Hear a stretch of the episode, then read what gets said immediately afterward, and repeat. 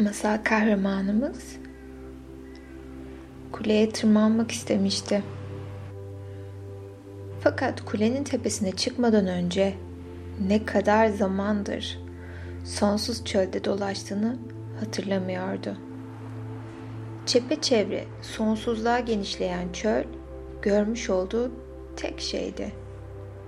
Ve birdenbire küçük ağaç kapısı kalın duvarlarıyla bu taş kule önünde yükseliverdi. Kapıya vurdu. Kimse cevap vermedi. Pencere yoktu ve bulutlar kulenin tepesini gizlemişti. Bu kulede ne olabilirdi ki? Kim bunu inşa etmişti? Hangi amaca hizmet etmek için? Tekrar kapıya vurdu. Ama cevap gelmeyince içeri bakmak ve etrafa göz atmak için kapıyı açtı. Muazzam bir merak bürümüştü içine. Birkaç dakika sonra gözleri karanlığa alıştı. Ama görünen tek şey tüm kuleyi kaplayan ve dönen merdivenlerdi. Bir kez daha seslendi. Sesi yankılandı. Ama yine de hiçbir cevap gelmedi. Böylece karanlıkta yukarı doğru çıkmaya başladı. Merdiven kulenin aksına, etrafına dönerken o da birlikte dönüyordu. Yukarı çıktı, çıktı ve çıktı. Sonu yok gibiydi.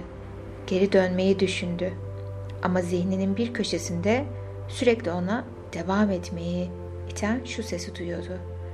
Biraz daha ilerlersen tüm bunun sebebini öğreneceksin.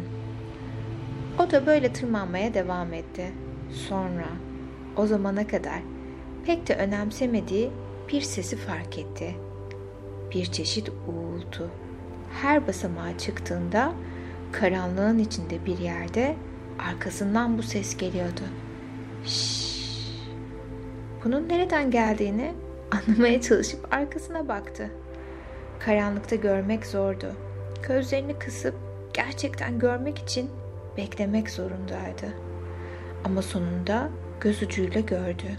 Ondan birkaç basamak aşağıda basamakların yok olduğunu fark etti. Yukarı attığı her adımda aşağıda bir yerde merdivenlerden biri boşluğa düşüyordu. Şşş, sesiyle yok oluyordu. Geri dönüş yoktu. Tek yol yukarısıydı. Umutsuzluğa düştü. Bu bir tuzaktı. Neden bu kaleye girmişti ki? Neden merakının galip gelmesine izin vermişti? Karanlıkta tuzağa düşmek yerine şu anda sonsuz bir özgürlük duygusuyla dışarıda olabilirdi. Umutsuzluk içinde olsa bile yukarı çıkmaya devam etti. Sanki her adımda umutsuzluğunu geride bırakıyordu. Bir kez daha içinde merak filizlendi. Bu yolculukta ne bulacağını merak etmeye başladı. Yolculuk sonsuz gibiydi ve zaman içinde o da bir son aramayı unuttu. Bunun nereye varacağını düşünmeyi bırakıp sadece adımlarının ritmiyle kendini akışa bıraktı. Tırmanmanın yeni yollarını buldu. Basamaklarda tek ayak üzerine ya da iki ayağıyla zıplamayı denedi. Geri geri çıkmayı, dizlerinin üzerinde ilerlemeyi. Denemeler yaparken nereden geldiğini ve nereye gideceğini unutuyordu. Hatta ara sıra kendini sadece yeni keşiflerine gülerken buluyordu. İyisiyle kötüsüyle ilerleyen yolculuğu boyunca yürümeye, basamakları çıkmaya devam etti.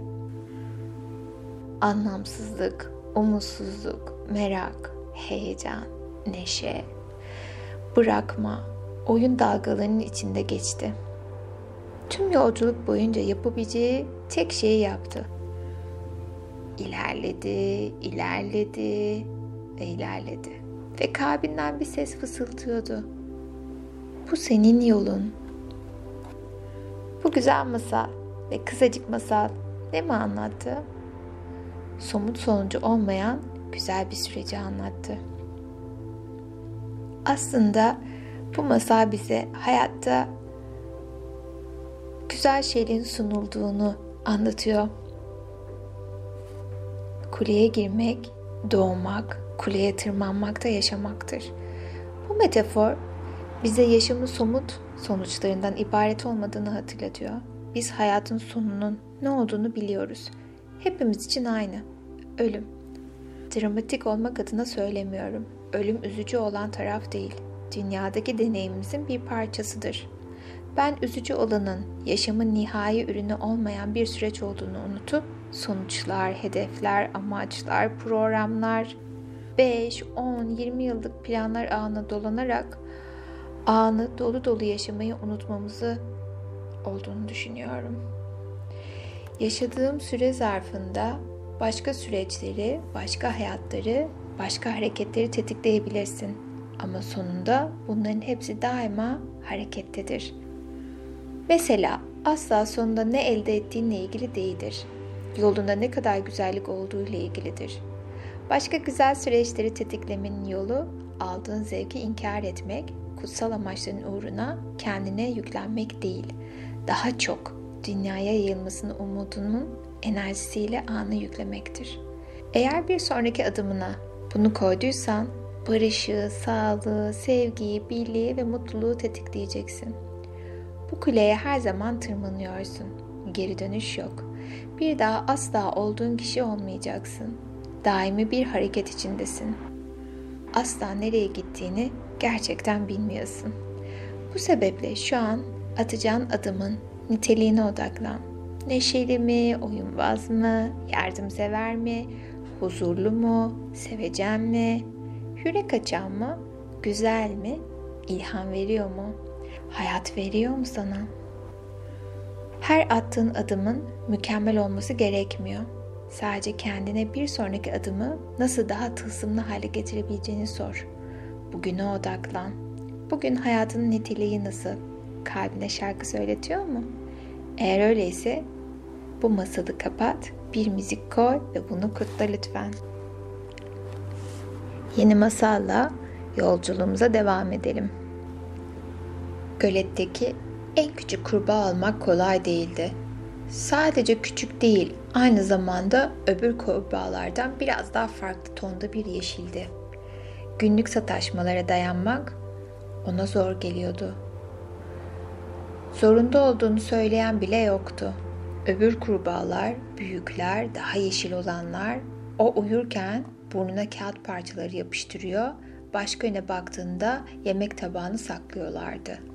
Hatta bir gün onsuz uyuyamadığını bildikleri tek şey olan oyuncağı bile saklamışlardı. Bu sabrını taşıran son damla olmuştu. Su samurunu her yerde aradı. Ama belli ki çok iyi saklamışlardı oyuncağını. Göletin dibinde olmalıydı. İyi, bunun için tüm göleti içmek zorunda kalacak olsa bile onu bulmaya karar vermişti. Aslında bu o kadar da kötü bir fikir değildi. Gerçekten göleti içerdi. Neden olmasın ki? Bu onlara günlerini gösterirdi. İşte her şey böyle başladı. Kurbağaların en küçüğü kıyıda göletin suyunu içmeye başladı. İçti, içti, içti ta ki gölette bir damla su kalmayıncaya kadar. Ama su samurunu bulamayınca nehre gidip onu da içmek istedi. Öbür kurbağalar onu durdurmaya çalıştılar ama kurbağa bütün göleti içti. Artık hepsinden daha büyüktü ve bu oldukça hoşuna gitmişti. Başladı nehrede de içmeye. O da kuruduğunda öbür küçük kurbağalar ondan çaldıkları her şeyi geri getirip onunla dalga geçtikleri için onlarca kez özür dilediler. Küçük kurbağa artık o kadar büyümüştü ki onları acıyarak bakıyordu. Oyuncak su samurunu bile kucağına alamayacak kadar büyümüştü. Artık çok geçti. Diğer kurbağalar durdurulamayacakları anlamışlardı. Onun öfkesine giden kapıyı açmışlardı ve her şey çok daha yeni başlıyordu. Onlara yaptıkları her şeyi pişman ettirecekti. Hem de şu an gösterdikleri yapmacık pişmanlıklarından çok daha fazlasını yapacaktı. Nehri kurutma işini tamamladıktan sonra büyük göle doğru zıpladı. O kadar büyümüştü ki küçücük bir zıplayış bulutların içine atlayıp istediği yere düşmesi için yeterliydi. Büyük olmak çok hoşuna gitmişti. Daha da büyümek için can atıyordu. Bu yüzden gölü içti. Ardından bir sonraki göle zıplayıp onu da içti. Artık durdurulamıyordu. Zıpladığı her yeri, göletleri, gölleri, nehirleri içip duruyordu. Sonunda büyük okyanusa zıplayıp onu da içti. Artık tüm hayvanların toplamından çok daha büyük olmuştu ve ağzına kadar suyla doluydu. Tabii ki su olmadan dünya ölüme mahkumdu. İnsanlar ve hayvanlar onunla savaşmak için ordularını gönderdiler. Ama o onları bir zıplayışta ezdi, dünyanın düştüğü durumu anlatıp onu ikna etmek için politikacılar bile geldi. Onların üzerine tükürdü. Dini liderleri gönderdiler. Kalbine, ruhuna, cömertliğine çağrı yapsınlar diye. Filozofları, doktorları, her nevi alimleri gönderdiler. Kurbağa onlara sıkılarak baktı. Kendisine zorbalık yapıldığı zamanlarda tüm bu bilgi insanlar neredeydi? Düşünüp durdu. Dünyanın üzerinde çaresizlik rüzgarları esiyor. Kimse ne yapacağını bilmiyordu. İşte solucan tam o sırada geldi. Zıpır solucan ve pembe çiçek şapkası. Nameli bir sesle teklif etti. Belki ben yardımcı olabilirim. Bu kadar çiçekli bir tonda konuşan biriyle dikkatlerini vermeye alışık olmayan dünya liderleri önce hayretle gözlerini açtılar. Sonra bir araya toplanmış kibirli krallar, aslanlar, köpek balıkları ve devlet başkanları solucana tepeden bakıp kahkaha attılar. Her şeyi deneyeceğimizi söylemiştik ama en güçlü, en bilge, en nezaketlerimiz başaramamışken senin yardım etmen nasıl mümkün olabilir diye sordular. Solucan bu cevabı evet olarak kabul edip onlara teşekkür ederek cesaretle kurbağaya doğru gitti. Orada oldukça törensel bir havayla küçük teybini çıkarıp içine bir kaset yerleştirdi ve müzik başladı. Solucan dikkatlice çiçekli şapkasını düzelterek dans etmeye başladı. Müziğin çılgın ritmiyle kıvrılıyor, dolanıyor ve dönüyordu. Sonra düştü. Şapkası yuvarlanarak gidince o da şapkasının arkasından kıvrılarak ilerledi. Sonunda şapkasına yetiştiğinde onu başına geçirdi, çiçeklerini düzeltti, derin bir soluk alarak arkasına döndü ve daha önce fark etmemiş olduğu duvara tosladı. Şapkası yere düşüp uzaklara yuvarlandı. Öncesinde şüpheli gözlerle dansı izleyen kurbağa şimdi o kadar çok gülüyordu ki gözlerine yaş gelmeye başladı. Ve hatta öyle ki gözlerinden nehir gibi akıyordu gözyaşları. Solucan kalkıp etrafa şapkasına bakındı. Şapka yok olmuştu. Solucan şapkasını ararken kurbağa o kadar uzun süre, o kadar fazla gülmüştü ki artık içinde suyu tutmakta zorlanmaya başlamıştı. Hıçkırık dolu kahkahasıyla dünyaya tükürük gökleri yağdırıyordu. Sonra birden solucan göz kırparak ona baktı ve kulağının içinden bir şey çekmeye başladı. Çekti, çekti. Kurbağa büyülenmişti. Solucanı ağzı açık bir halde izliyordu. Düşen şapka solucanın kulağında belirdi. Şaşkınlıktan dili tutulmuştu kurbağanın. Solucanı nefesini tutarak izlemişti ve sonra bir kahkaha patlatıp soluğunu bırakınca yuttuğu tüm okyanuslar, denizler, nehirler, göller ve göletler kurbağanın içinden dünyaya, yataklarına geri aktı. Tüm sular yerine geri döndüler. Böylece dünya göletlerde zıplayan ve şarkı söyleyen kurbağalar, nehirlerde yüzen balıklar, okyanusta yolculuk eden balinaların zamanıydı. Ve yeniden herkes evine geri dönmüştü. Bu dünya bakıp çevrendeki tüm güzellikleri gördüğünde bir keresinde neredeyse hepsini nefret, alçak gönüllülük ve öfke uğruna kaybedecek olduğunu unutma. Ve sonunda bizi kurtaranın gülmek olduğunu sakın unutma. Gülmek zihni özgürleştirir, ruhun uçmasına izin verir. Bu güzel masalda kahkaha ruhumuzdaki zincirlerin kırılarak açılmasının sesidir. Dolu dolu kahkaha atan birinin ağzından beyaz bir güvercinin uçarak çıktığını hayal etmeyi sevin. O an bastırılmış bir duygu, özgürleşmiş, bir kural çiğnemiş bir endişe yok olmuştur. Gülmek içimizi öfkeden, suçluluktan, üzüntüden ve endişeden temizleyen bir esintidir. Aynı zamanda gülmek zihnini bedenine, seni de çevrendeki insanlara bağlayan bir ip gibidir. Sadece bedenin açık ve rahatsa iyi bir kahkaha atabilirsin. Kahkaha bulaşıcıdır. Sen gülerken bütün dünya seninle birlikte güler. Çocukluğumuzda ne çok gülerdik. Sonra bize orada burada kahkaha atmanın uygun olmadığı söylendi. Toplantılarda kahkaha atmamalıydık ya da metroda kahkahamızı çok sesli olmamalıydı. Tabi biz de kahkahamızı içimizde tutarak bastırdık. Bana göre kolayca kahkaha atmam, kendi dünyamla, bedenimle ve evrenle bağlantıda olarak kendi dağımın tepesinde durduğumun işaretidir. Kahkaha ilhamın en önemli unsurudur. Zira zihninin kendi içine kilitlediği dar kutunun duvarlarını yıkar ve potansiyeller ufkunu geliştirirdi. Ayağının hemen sağındaki taşın yanında büyüyen bir çiçek var. Renkli kalbini gökyüzünde sunuyor. Ona bak, onu kalbinde taşı. Yukarıya yürürken sana açık yüreklilikle gitmeyi anımsatır. Haydi devam edelim yeni bir masala. Yeni masalın meditasyon dersi. Ustam, ustam bana yardım etmeniz gerek. Kesinlikle odaklanamıyorum. Her şeyi denedim. Ama zihnim bir antilop gibi koşuyor. Vahşi bir maymun gibi zıplıyor. Hızlı bir akıntıya yakalanmış balık gibi yüzerek uzaklaşıyor. Durmak bilmiyor. Bana öğrettiğiniz gibi sunak içinde taze çiçekler topluyorum. Mum, tütsü yakıyorum. Oturuyorum ama zihnim kesinlikle oturmuyor. Kaçıyor. Yaşlı kuru banyan ağacının altında oturuyordu. Uzun beyaz sakalını yavaşça sıvaçlayıp sordu. Peki zihnin nereye gidiyor? Şey, ustam, genellikle aklım ineğime gidiyor. Onu düşünüyorum. Rahat mı diye merak ediyorum. Çayırlarda geçirdiğimiz günleri, su içtiğimiz nehirleri, pembe burnunu düşünüyorum. Bazen beni düşünüp düşünmediğini bile merak ediyorum.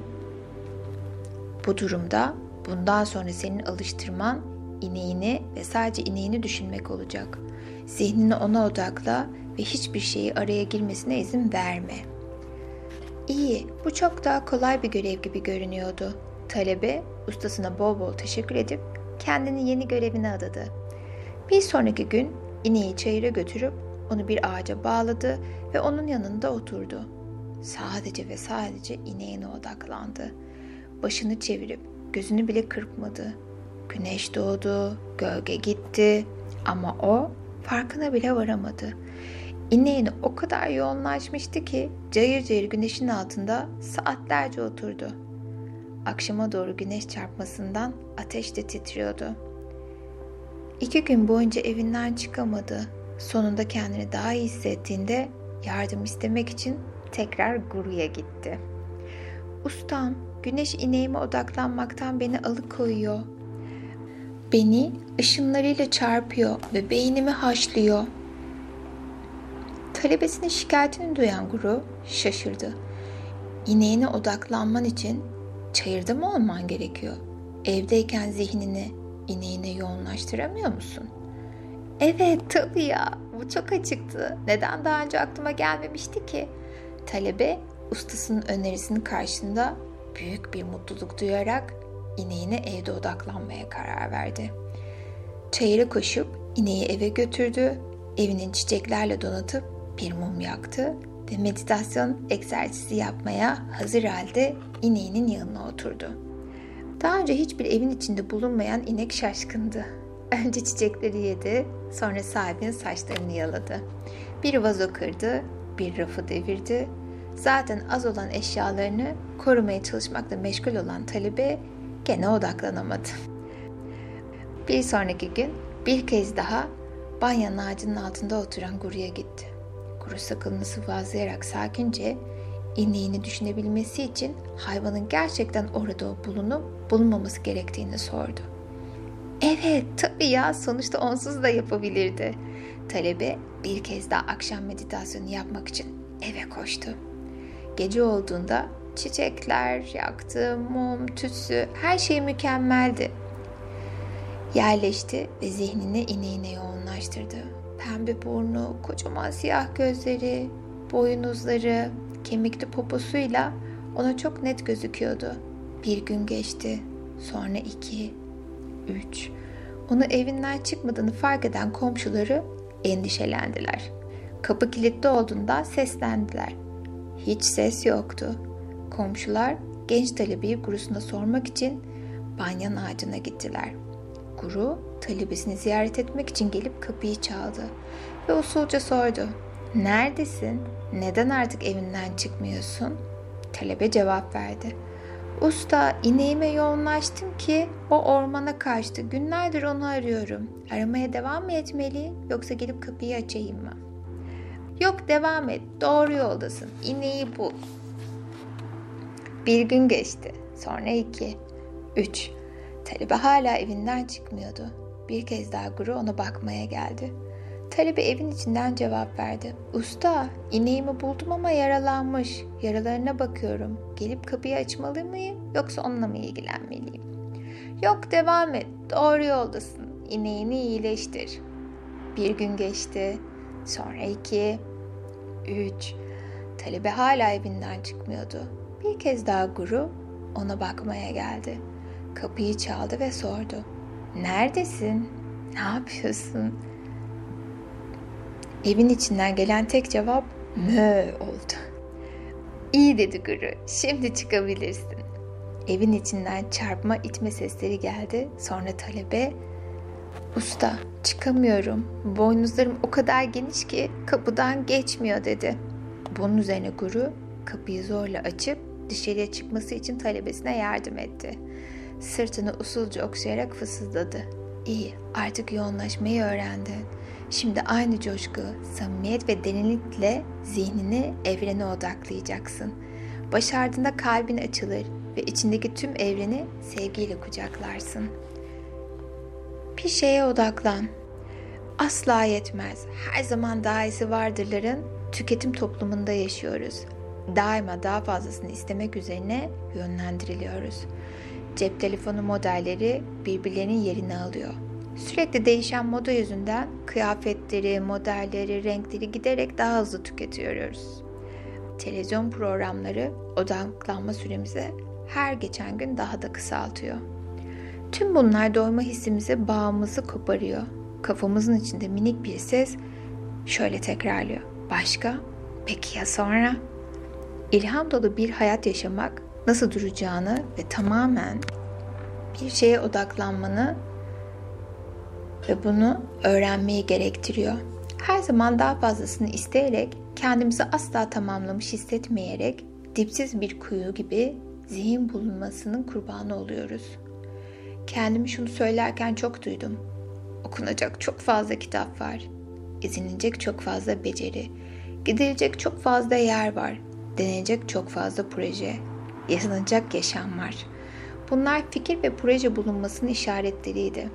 Burnuna güven, bir şey seç, sana çok lezzetli gelen bir şey ve kendini tamamen ona ada.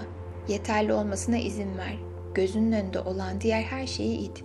Zihnini bir şeye odakla. İşte bu masal aslında sana bunu öğretiyor. İşte bu listesi yap. Tam sana göre olduğunu düşündüğün şeyler ne? Bunlar işler, seyahatler, arkadaşlar, sevgili, giysiler, düşünceler, kitaplar. Tam olarak ve kesinlikle doğru olduğuna inandığın, bağlılık duyacağın, bildiğin herkes ve her şey olabilir. Her bir niyaz ve detayları in. Hangi an? Bunu sana göre olduğunu açıkça ortaya koydu. Hangi özellikleri sende ona bağlanma isteği uyandırdı? Listedeki her bir unsur senin özünden bir parçayı yansıtıyor.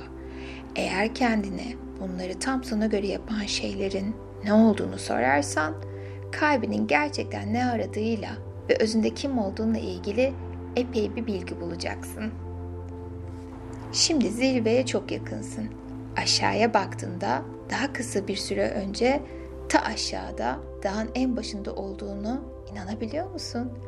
Şimdi devam et. Son kısmı son bir masalla yürü. Ve şimdi derin ve güzel bir uykuya dalıyor. Ve sabahleyin uyandığında kendini hiç olmadığın kadar hafiflemiş, rahatlamış hissederek uyanacaksın.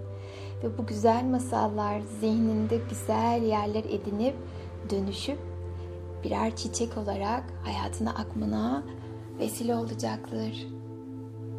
Güzel uykular.